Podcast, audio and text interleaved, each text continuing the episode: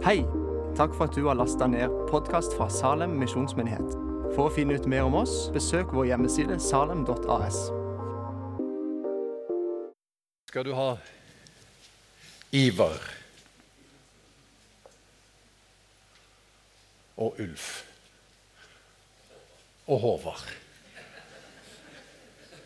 Du skjønte hvorfor jeg tok det litt sakte, det der?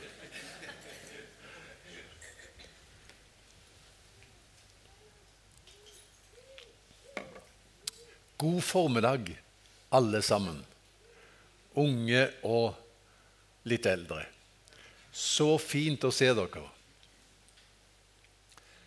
Vi holder oss i trosbekjennelsen, og eh, i formiddag så er eh, vi kommet til det leddet som eh, lyder som så Skal derfra komme igjen for å dømme levende og døde. Trosbekjennelsen har jo tre artikler. og Første artikkel handler om troen på Gud Fader. Tredje artikkel begynner med troen på Den hellige ånd. Og den andre artikkel, som jo er den lengste, den handler altså om troen på Jesus. Det han gjorde i fortid, det han gjør i dag, og det han skal gjøre i framtid. Og Det som Jesus gjorde i fortid, det er jo lett å ta imot som gode nyheter. Født av jomfru Maria pint under Pontius Pilatus, korsfestet, død, begravet, for ned til dødsriket, sto opp fra de døde tredje dag, for opp til himmelen. Det er dramatisk, men det er gode nyheter. Og Det som han gjør i dag, det kan vi jo også ta imot som gode nyheter. Sitter ved Guds den allmektige Faders høyre hånd. Hva gjør han der? Ja, Han ber for oss. Og Når han har satt seg ved Faderens høyre hånd, så er det en veldig strategisk plassering. Fordi at den som sitter ved kongens høyre hånd, deler eh, hans myndighet, autoritet og egenskaper. og eh, En av kjennetegnene ved Gud er at han er allestedsnærværende. Og det heter jo 'her nede er hans evige armer'. Slik at eh, når Jesus har satt seg ved Faderens høyre hånd, for en strategisk plassering. Han kan gjøre sin makt gjeldende overalt. Så himmelfarten som vi hørte om forrige søndag, det er ikke, at, eh, det er ikke begynnelsen på guddommelig fravær. Men Jesus farer opp til himmelen for å fylle verdens alte med sitt nærvær. Og han er her. Og han er i India. Er han ikke det, Helge? Han er i India. Og han er Hvor var det? Det er India, det òg, ja. Jeg visste det. Det er jo det er India det i grunnen handler om i formiddag. Ja. Så, men så er budskapet eh, også hva han skal gjøre i framtiden. Skal derfra komme igjen for å dømme levende og døde. Er det gode nyheter? Ja, sier Harald. Vel, Jeg kan huske det da jeg var 13 år. Jeg hadde fått et Nytestament av min far. Lite rødt nytestament, sånn lommetestamente. Og eh, Så tenkte jeg at siden jeg har fått dette, her, så får jeg ta lese litt i det. da. Det hadde nok stått i bokhylla, eller ligget i bokhylla mi en stund, men jeg tok det fram og åpnet, så leste jeg om Jesu gjenkomst. Og huttetu, tenkte jeg, dette her var skummelt. Så jeg husker jeg lukka det lille Nytestamentet igjen, og det var, det var lenge til neste gang jeg åpnet. tror Jeg Jeg var 12-13 år. Men det er gode nyheter. Og nå skal vi eh, lese faktisk en, egentlig en veldig alvorlig tekst. Men, eh, men Bibelen har noen alvorlige tekster òg. Og så er det eh, gode nyheter eh, vevd inn i alt dette. Og Teksten er fra Matteus 25, eh, 31-46, og overskriften i min bibel er 'Dommen'. Og da leser vi i Jesu navn. Men når Menneskesønnen kommer i sin herlighet, og alle englene med ham, da skal han sitte på sin trone i herlighet, og alle folkeslag skal samles foran ham. Han skal skille dem fra hverandre som en gjeter skiller sauene fra geitene, og stille sauene på sin høyre side og geitene på sin venstre. Så skal kongen si til dem på sin høyre side:" Kom hit, dere som er velsignet av min far, og ta i arv det rike som er gjort i stand for dere, fra verdens grunnvoll ble lagt. For jeg var sulten, og dere ga meg mat. Jeg var tørst, og dere ga meg drikke.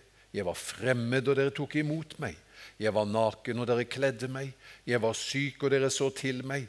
Jeg var i fengsel, og dere besøkte meg. Da skal de rettferdige svare, Herre, når så vi deg sulten og ga deg mat, eller tørst og ga deg drikke? Når så vi deg fremmed og tok imot deg, eller naken og kledde deg? Når så vi deg syk eller i fengsel og kom til deg?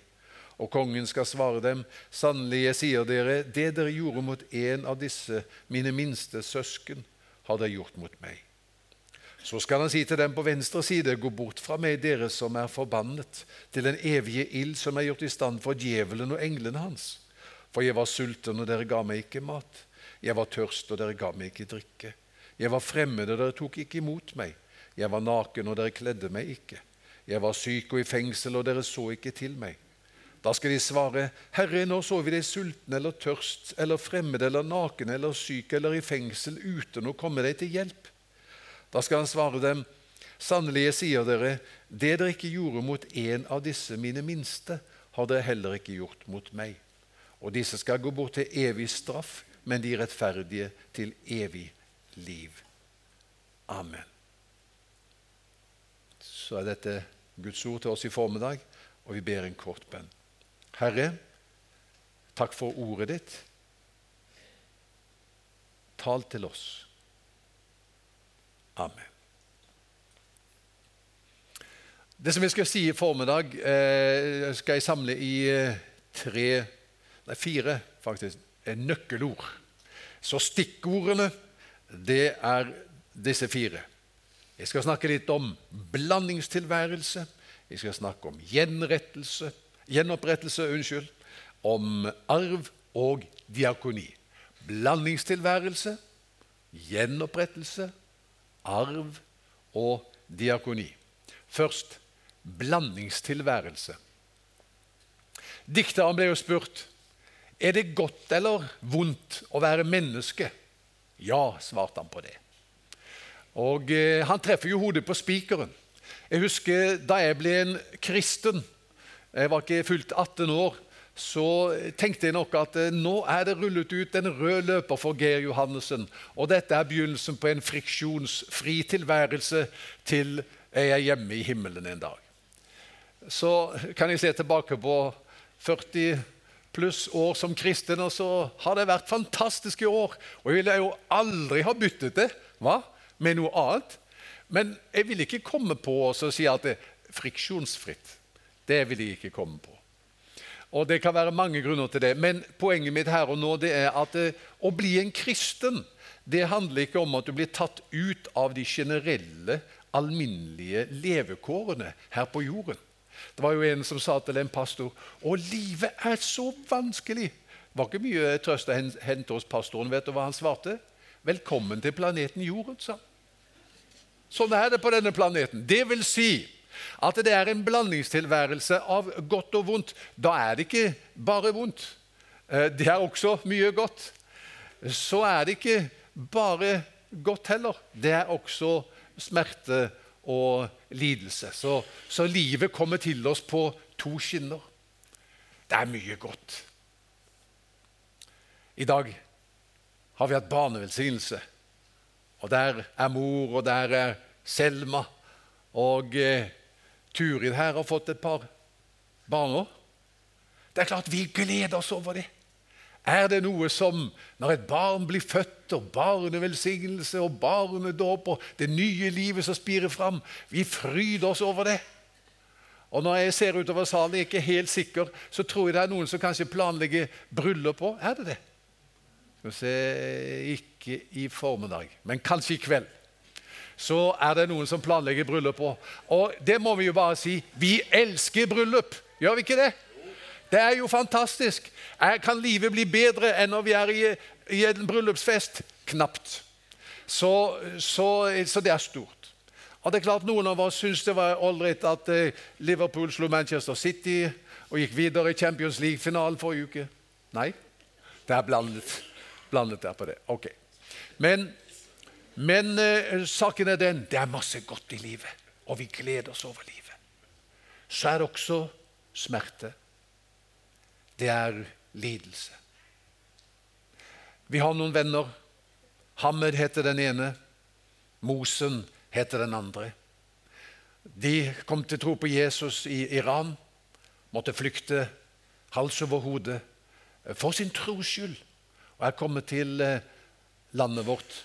Her er det da slik at myndighetene ikke tror på deres historie, og nå har de fått et utvisningsvedtak. Eh, så det er jo en smerte.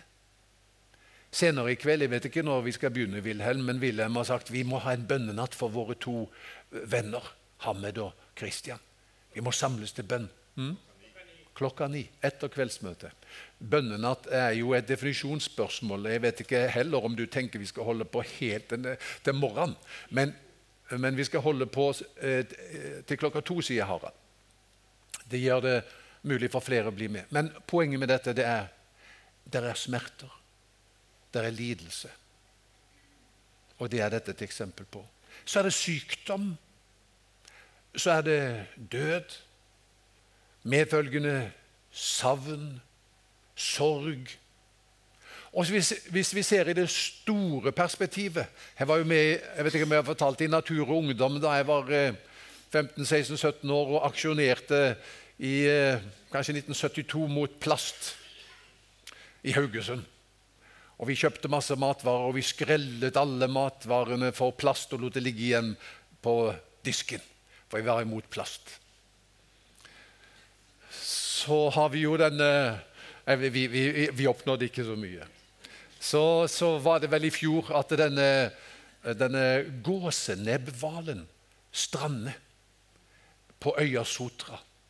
Og den må avlives. Den er så utmagret. Man ser den er syk. Så åpner man eh, magen på den, og så finner man i magen på denne gåsenebbhvalen 40 eh, plastposer og store plastflak. Og så er det en vekker uh, i forhold til maritim forsøpling. Uh, og en, en, verden som er syk. Å, det skjærer meg i hjertet å se det bildet av den hvalen som spiser plast. Og også som fra den tiden jeg var med i Natur og Ungdom, så er jeg opptatt av artsmangfoldet og, og, alle disse ulike arter som finnes i vår verden. Visste du at hver dag forsvinner det mellom 10 de, de vet jo ikke sikkert, forsvinner det mellom 10 og 150 arter i, på kloden vår. For godt. For aldri mer å komme tilbake. Det var en fugl i Norge som het geirfuglen. Den er dødd ut. Det har jeg sørget over mange ganger. tenker at Den er død. Den var så fin, skal jeg fortelle deg! En nydelig fugl. Den er død. Uh, kommer aldri tilbake. Sånn kan det være. Men, men hva forteller dette oss? Dette forteller oss vi lever i en blandingstilværelse. Dette har jeg også fortalt før. Jeg fortalte om en dame jeg satt på flyet fra jeg tror det var fra Bodø. Uh, og så skulle hjem og sitte ved siden av en ung dame. Og hun uh, Vi har begynt å prate om miljøet. Og det er tydelig at hun er så deprimert. Så sier hun jeg ikke tror på at politikerne verken har vilje eller eh, løsninger på miljøødeleggelsene og klimatrusselen. Tundraen tiner, havtemperaturen stiger, isfjellene smelter. Ozonlaget blir tynnere. Jeg har ikke tro på at de har løsninger på dette. Hun var deprimert. Det hun sa til meg, det var Egentlig, Hun sa det ikke sånn, men oppsummert kan vi si det. Dagen er snart slutt, og natten kommer. Det var egentlig det hun sa. Hun hadde ingen håp for framtiden. Dagen er snart slutt, natten kommer. Da tenkte jeg på Romerbrevet 13,12. Paulus sier det motsatte. Han sier natten er snart slutt, og dagen kommer. Så saken er den vi er bærere av et håp. Og det er punkt to. Men hvor hadde jeg punkt én i, i teksten? Nå glemte jeg å gi deg punkt én i teksten. Og Punkt 1 i teksten det er det at Jesus snakker om kristne. og Så sier han jeg var sulten, og dere ga meg mat. Jeg var tørst, og dere ga meg drikke. Jeg var fremmed, og dere tok imot meg. Jeg var naken, og dere kledde meg. Jeg var syk, og dere så til meg. Jeg var i fengsel, og dere besøkte meg. Det er kristne han snakker om. Hvordan vet vi at det er kristne? Jo, for at det, det står i vers 40.: Sannelig sier jeg dere, det dere gjorde mot en av disse mine minste søsken, har dere gjort mot meg.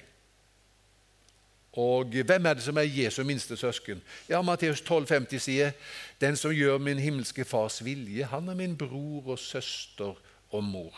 Det er mange tolkninger av dette, men jeg har, når jeg har sett alle tolkningene, så ser jeg de som er sultne og er i fengsel og er tørste og er nakne og ensomme, det er kristne. Det kan ikke være noen uh, mer sannsynlig forklaring på det. Og Da ser vi altså kristne leve en blandingstilværelse. Enig? Altså sult, tørst, naken. Det er ikke fullkomment. Så det var liksom, det var liksom hva teksten hadde å si om det. Det var viktig å få med. Punkt to gjenopprettelse. Og da, er det, da, kan vi lese det som står i vers 34. Så skal kongen si til dem på sin høyre side.: Kom hit, dere som er velsignet av min far, og ta i arv det rike som er gjort i stand for dere fra verdens grunnvoll ble lagt. Rike, ta i arv det rike som er gjort i stand for dere. Det skal jeg si litt om når jeg snakker om gjenopprettelse. Hva er rike? Ja, rike det er Guds rike. Og hva er Guds rike? I Fader vår så lærer vi det, hva Guds rike er. For der står det 'La ditt rike komme', og så står det i neste setning 'La din vilje skje'. Og Det heter på eh, fagspråket det er en parallellisme, der den ene setningen forklares av den neste. La ditt rike komme forklares i den neste setningen La din vilje skje, som i himmelen, så òg på jorden. Så hvor er Guds rike? Det er der hvor Guds vilje skjer. Og I dag er det på eh, jorden mange mennesker som ber av hele hjertet sitt Fader vår. Og de ber La ditt rike komme, som i himmelen, så i mitt liv. I min menighet, i min bydel, i mitt nabolag, i mitt land, i India, hvor det måtte være. La ditt rike komme. Men det er mye som skjer som ikke er Guds vilje. Det må vi være klar over. Vi har ikke en fatalistisk tro som tenker at det, det var noen mening med det, og alt som skjer, er et uttrykk for Guds vilje. Det står i Matteus 13 at Jesus forteller en lignelse om uh, ugresset i hveteåkeren. Og så er det plantet flott hvete. Og så er det altså noen som om natten planter ugress, og så vokser dette opp, og så blir de så forskrekket, og så spør de hvor kommer ugresset fra? Og da sier Jesus følgende setning. Det har en fiende gjort. Det er det å bli klok av. Så når vi ser oss omkring i verden i dag og spør hva i alle dager? For en ondskap! Hvor mye lidelse Hvor kommer det fra, alt dette? Det har en fiende gjort. Det finnes en ond åndsmakt. Djevelen og hans håndlangere. Så når Jesus sier 'ta imot riket', så sier han at det kommer en dag når Guds vilje skal skje fra kyst til kyst. Fra nord til sør, fra øst til vest, overalt, universelt. Nå er det noen som ber La ditt rike komme, la din vilje skje. Men det skal komme en dag når Guds vilje skal skje uten unntak. Og da blir det godt. Og Nå skal du få et par vers som forteller hva som skjer når Guds rike kommer. Det står i Matteus 19, 28, der har vi det på, på skjermen. Det står Jesus sier til dem, sannelig jeg sier dere Hør på den setningen. Har du lagt merke til den? Når alt blir født på ny, og menneskesønnen sitter på tronen i sin herlighet, så sier han til disiplene da skal også dere som har fulgt meg, sitte på tolv troner som dommere over Israels tolv stammer. Men det var dette uttrykket når alt blir født på ny. Ja, Du er jo født på ny som tror på Jesus. Er du det ikke, så kan jeg fortelle deg hvordan du blir det. Ta imot Jesus. For det står i Johannes 1,12.: Alle som tok imot ham, de ga rett til å bli Guds barn. Og de er født prikk, prikk, prikk, av Gud. Så ved å ta imot Jesus blir du født på ny. Og de aller, aller fleste av dere er født på ny. Men du, det kommer en dag da alt skal bli født på ny. Og det ordet der er veldig interessant. Det ordet der det er på gresk. Nå tror du jeg er veldig god i gresk. Det er jeg ikke. Men eh, jeg har hatt litt gresk på skolen, på Ansgar-skolen i sin tid. Det er palinge... Nei, nå må jeg slå det opp. Palingenesia. Gir det mening? Palingenesia. Palin det betyr igjen. Genesia det betyr fødsel eller begynnelse. Vet du hva første Mosebok heter på engelsk? Hvem vet det? Genesis. Genesis, sier vi. Genesis. Begynnelse.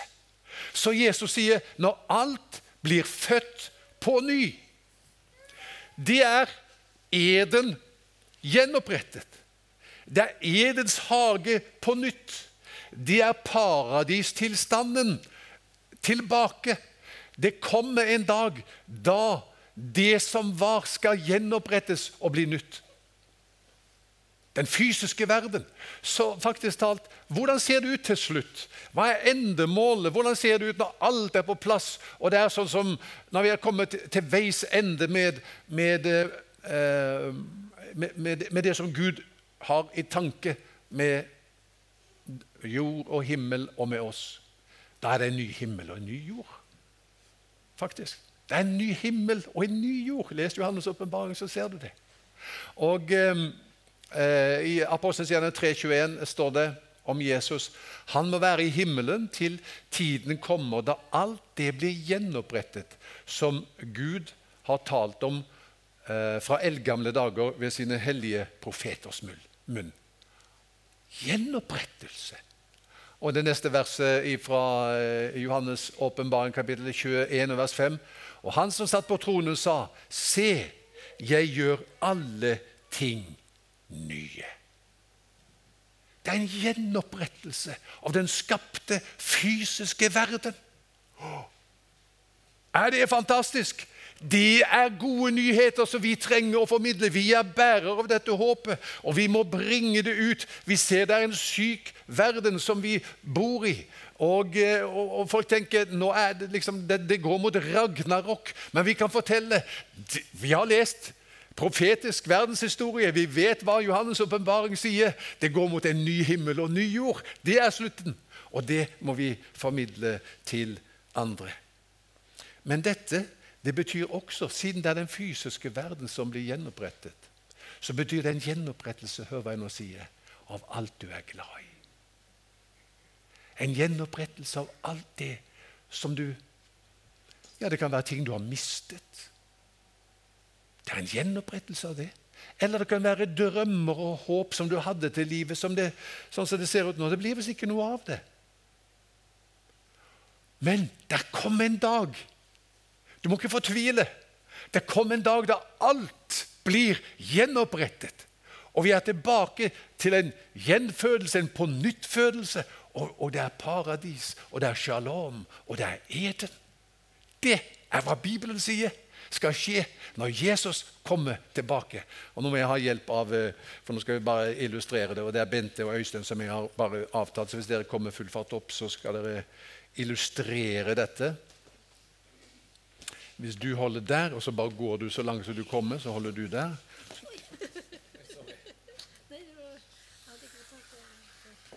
Så går du ut så langt som du kommer der. Se på det. Det er evigheten. Så der har vi skapelsen og begynnelsen, og Gud er jo fra evighet. Og der har vi det som ligger foran. og Det er også et enormt evighetsperspektiv. ikke sant? Og så et eller annet sted i dette voldsomme perspektivet er jo ditt og mitt liv. Så siden det er barnevelsignelse, sier vi Selma. Skal vi ta Selma? Så skal jeg tegne Selma sitt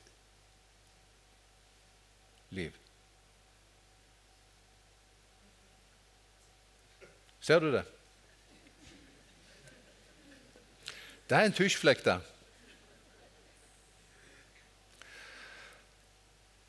Tror du at alt det som Gud har for Selma, kan få plass på den tusjflekken? Jeg tviler på det. Han sier det at i de kommende tider i Feserbrevet 2 skal han vise sin overveldende godhet imot oss i Kristus Jesus. I de kommende tider, Det er mer enn det som får plass på tusjflekken. Det er hele evighetsperspektivet. Så ikke vær fortvilet om du tenker hops, nå begynner jeg å bli eldre. Det er enda så mye, liksom, og det ene og det andre. Det er en hel evighet som ligger foran. Og dette som er tusjflekken, det er egentlig bare barnehagen. det. Det er liksom, Tusjflekken det er egentlig bare, det er bare øvelsen før konserten begynner. det.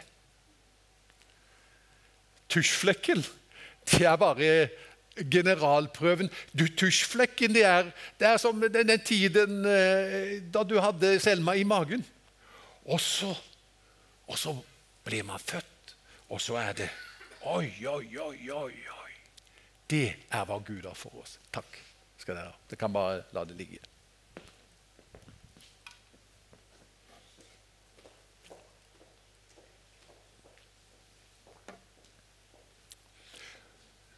Vi kan se bildet eh, fra um, en kirke i Istanbul, der fra 1300-tallet.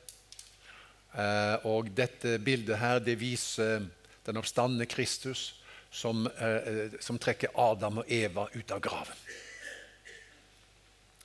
Det er et veldig berømt maleri som forteller om den seirende Kristus som gjenopprette det som fallet ødela, og løfte det opp til nye høyder.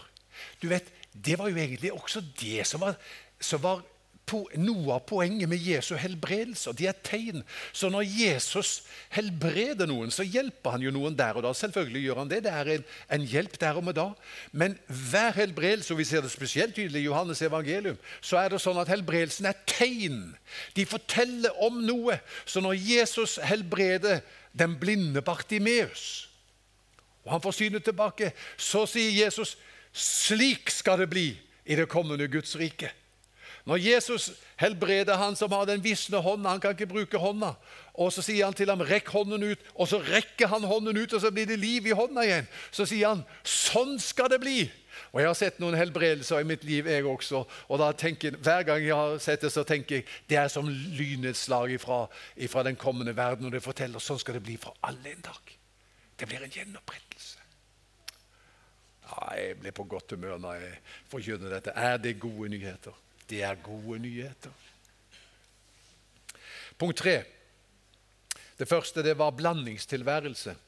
Det andre det er gjenopprettelse. Og det tredje punktet det er arv.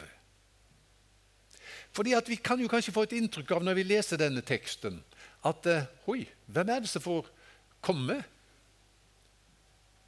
som borger på den nye himmel og den nye jord? Hvem er det som får del i riket? Oi, er det, er, det, er det, gode gjerninger som er eh, inngangsbilletten? Er det sånn at hvis vi besøker syke, besøker de som er i fengsel, hvis vi kler de nakne, gir mat til de sultne, så får vi komme inn i dette riket? Er det det? Nei, det er ikke det. Legg merke til hva Jesus sier. Han sier Ta i arv. Kom hit, dere som er velsignet av min far, og ta i arv det rike som er gjort i stand for dere. Hva vet vi om arv? Arv forutsetter en relasjon i utgangspunktet, må man kunne si. Er, arv er ofte far til sønn, eller mor til sønn. Altså, ikke sant? Det forutsetter en relasjon. Og det andre Arv forutsetter død. Har du sett det? Det er det som er fundamentet. Kom, dere som er velsignet av min far, og ta i arv det riket som er forberedt fra evighet av. På hvilket grunnlag er det at vi kan ta i arv dette riket og få del i eden gjenopprettet og paradis på nytt? På hvilket grunnlag får vi del i det? Da har funnet sted en død. Bibelen er tindrende klar. Unnfanget ved Den hellige ånd. Født av jomfru Maria. Pint under Pontius Pilatus. Korsfestet. Død begravet, for ned til dødsriket. sto opp fra de døde tredje dag, for opp til himmelen. Det er grunnlaget for at vi kan ta dette i arv. Det er grunnlaget for at dette kan bli vårt. By his wounds we are healed, står det på veggen. Ved hans sår har vi fått legedom. Legg også merke til at Jesus sier 'kom', sier han. Kom. Det hadde de hørt før. Og det er fordi de hadde respondert til det før, at de får høre 'kom'. For han hadde sagt til dem Kom til meg, alle dere som strever og bærer tunge byrder, og jeg skal gi dere hvile. Og så hadde de kommet til ham, og så hadde de fått hvile. Fra syndebyrden, fra skylden, fra lenkene til synd. ikke sant? Så hadde Jesus sagt til dem, om noen tørster, la han komme til meg og drikke. Og dette sa han om den ånd de skulle få, de som trodde på ham. Så syndenes forlatelse og Den hellige ånds gave. De hadde respondert til dette når Jesus sa til dem 'kom'. Og Derfor så får de igjen høre nå, når han kommer tilbake, 'kom'. Og Det er problemet. Det er to utganger av livet, og vi ser det så klart her. Vi burde kanskje forkynne det mer. Det er to utganger av livet. Og disse skal gå bort til evig straff, men de rettferdige til evig liv. Evig straff, evig liv.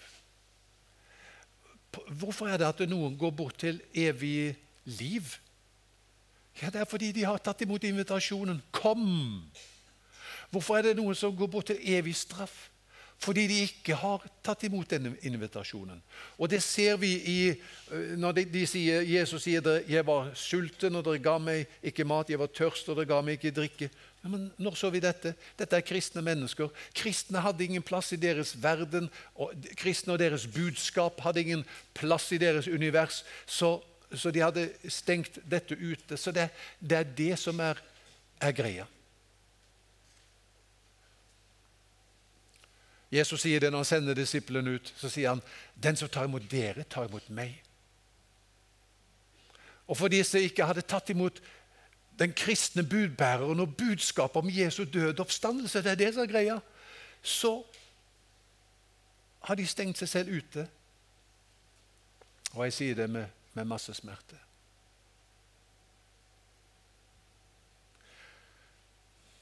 Til slutt og jeg det, er, eh, det, det fjerde ordet er diakoni. Vi er bærere av et håp. Dette håpet, sier Peter, er et levende håp. Det er så kraftig, det håpet. Du vet at Hvis du ikke har håp, så tenker du morgendagen ser helt håpløs ut. Eh, ja, det gjør det, da. Uh, og, men er du bærer av håp, så kan du møte morgendagen om den er vanskelig på en helt annen måte. Og Her ser vi hvordan de som er bærere av dette håpet, uh, agerer.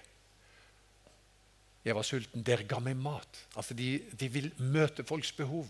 Jeg var tørst, dere ga meg drikke. Jeg var fremme, dere tok imot meg. Jeg var naken, dere kledde meg. Jeg var syk, dere så til meg. Jeg var fengsel, dere besøkte meg. De som er bærere av håpet, de tar dette håpet med seg ut i hverdagen. og legg merke til, De blir ikke spurt om å gjøre ekstraordinære ting. Det er ikke snakk om martyrium. Det er ikke snakk om uh, uh, å, å, å dra til verdens ende. Det er enkle gjerninger i godhet mot kristne. Det er der faktisk det begynner. for det er, det, Teksten er tydelig. Dette er, dette er, eh, dette er brødre, Jesu brødre og søstre. Så det handler om å gjøre godt mot kristne. Og jeg har en nullvisjon for Salem. Du vet at eh, veitrafikkmyndighetene har en nullvisjon. Og vi, eh, I mitt hjerte for å si det sånn, har jeg en nullvisjon. Og Den nullvisjonen går ut på følgende Ingen ensomme i Salem. Ingen ufrivillig alene over tid i Salem. Salem er et hjem. Vi har et håp. I himmelen er det ingen ensomhet. Og vi er bærere av et håp. Og dette skal få uttrykk. Hvordan skal det gi et uttrykk? Ja, Vi begynner med de som er oss nærmest. Hva sier Paulus i Galaterbrevet 6? La oss gjøre godt mot alle, og mest mot dem som er våre søsken i troen. Og så kan dette utvikle seg videre. Inkludere stadig nye mennesker. Så det begynner der. Jeg har brukt opp tiden. Det var det jeg rakk å si. Tenk jeg har enda mer på hjertet. Men det er godt jeg er pastor her og kan få komme til ordet senere også. Så nå skal vi be. Herre, takk for at vi får lov å ta imot ordet ditt. Takk at du kommer tilbake. Og Jeg tenker jo på den sangen som vi sang før i tiden. Se, du kommer, du som alle tiders floker løse kan. Fredens morgen uten skyer bryter inn. Ja, du kommer, Jesus, og setter alle ting i stand. Jeg vil lytte etter lyden av ditt trinn. Vi takker deg, Herre, for budskapet om din gjenkomst. Og vi takker deg for det håp og den kraften det gir oss. Og så må du hjelpe oss å dele det med hverandre og med byen og med landet og så langt som du leder oss til. Amen.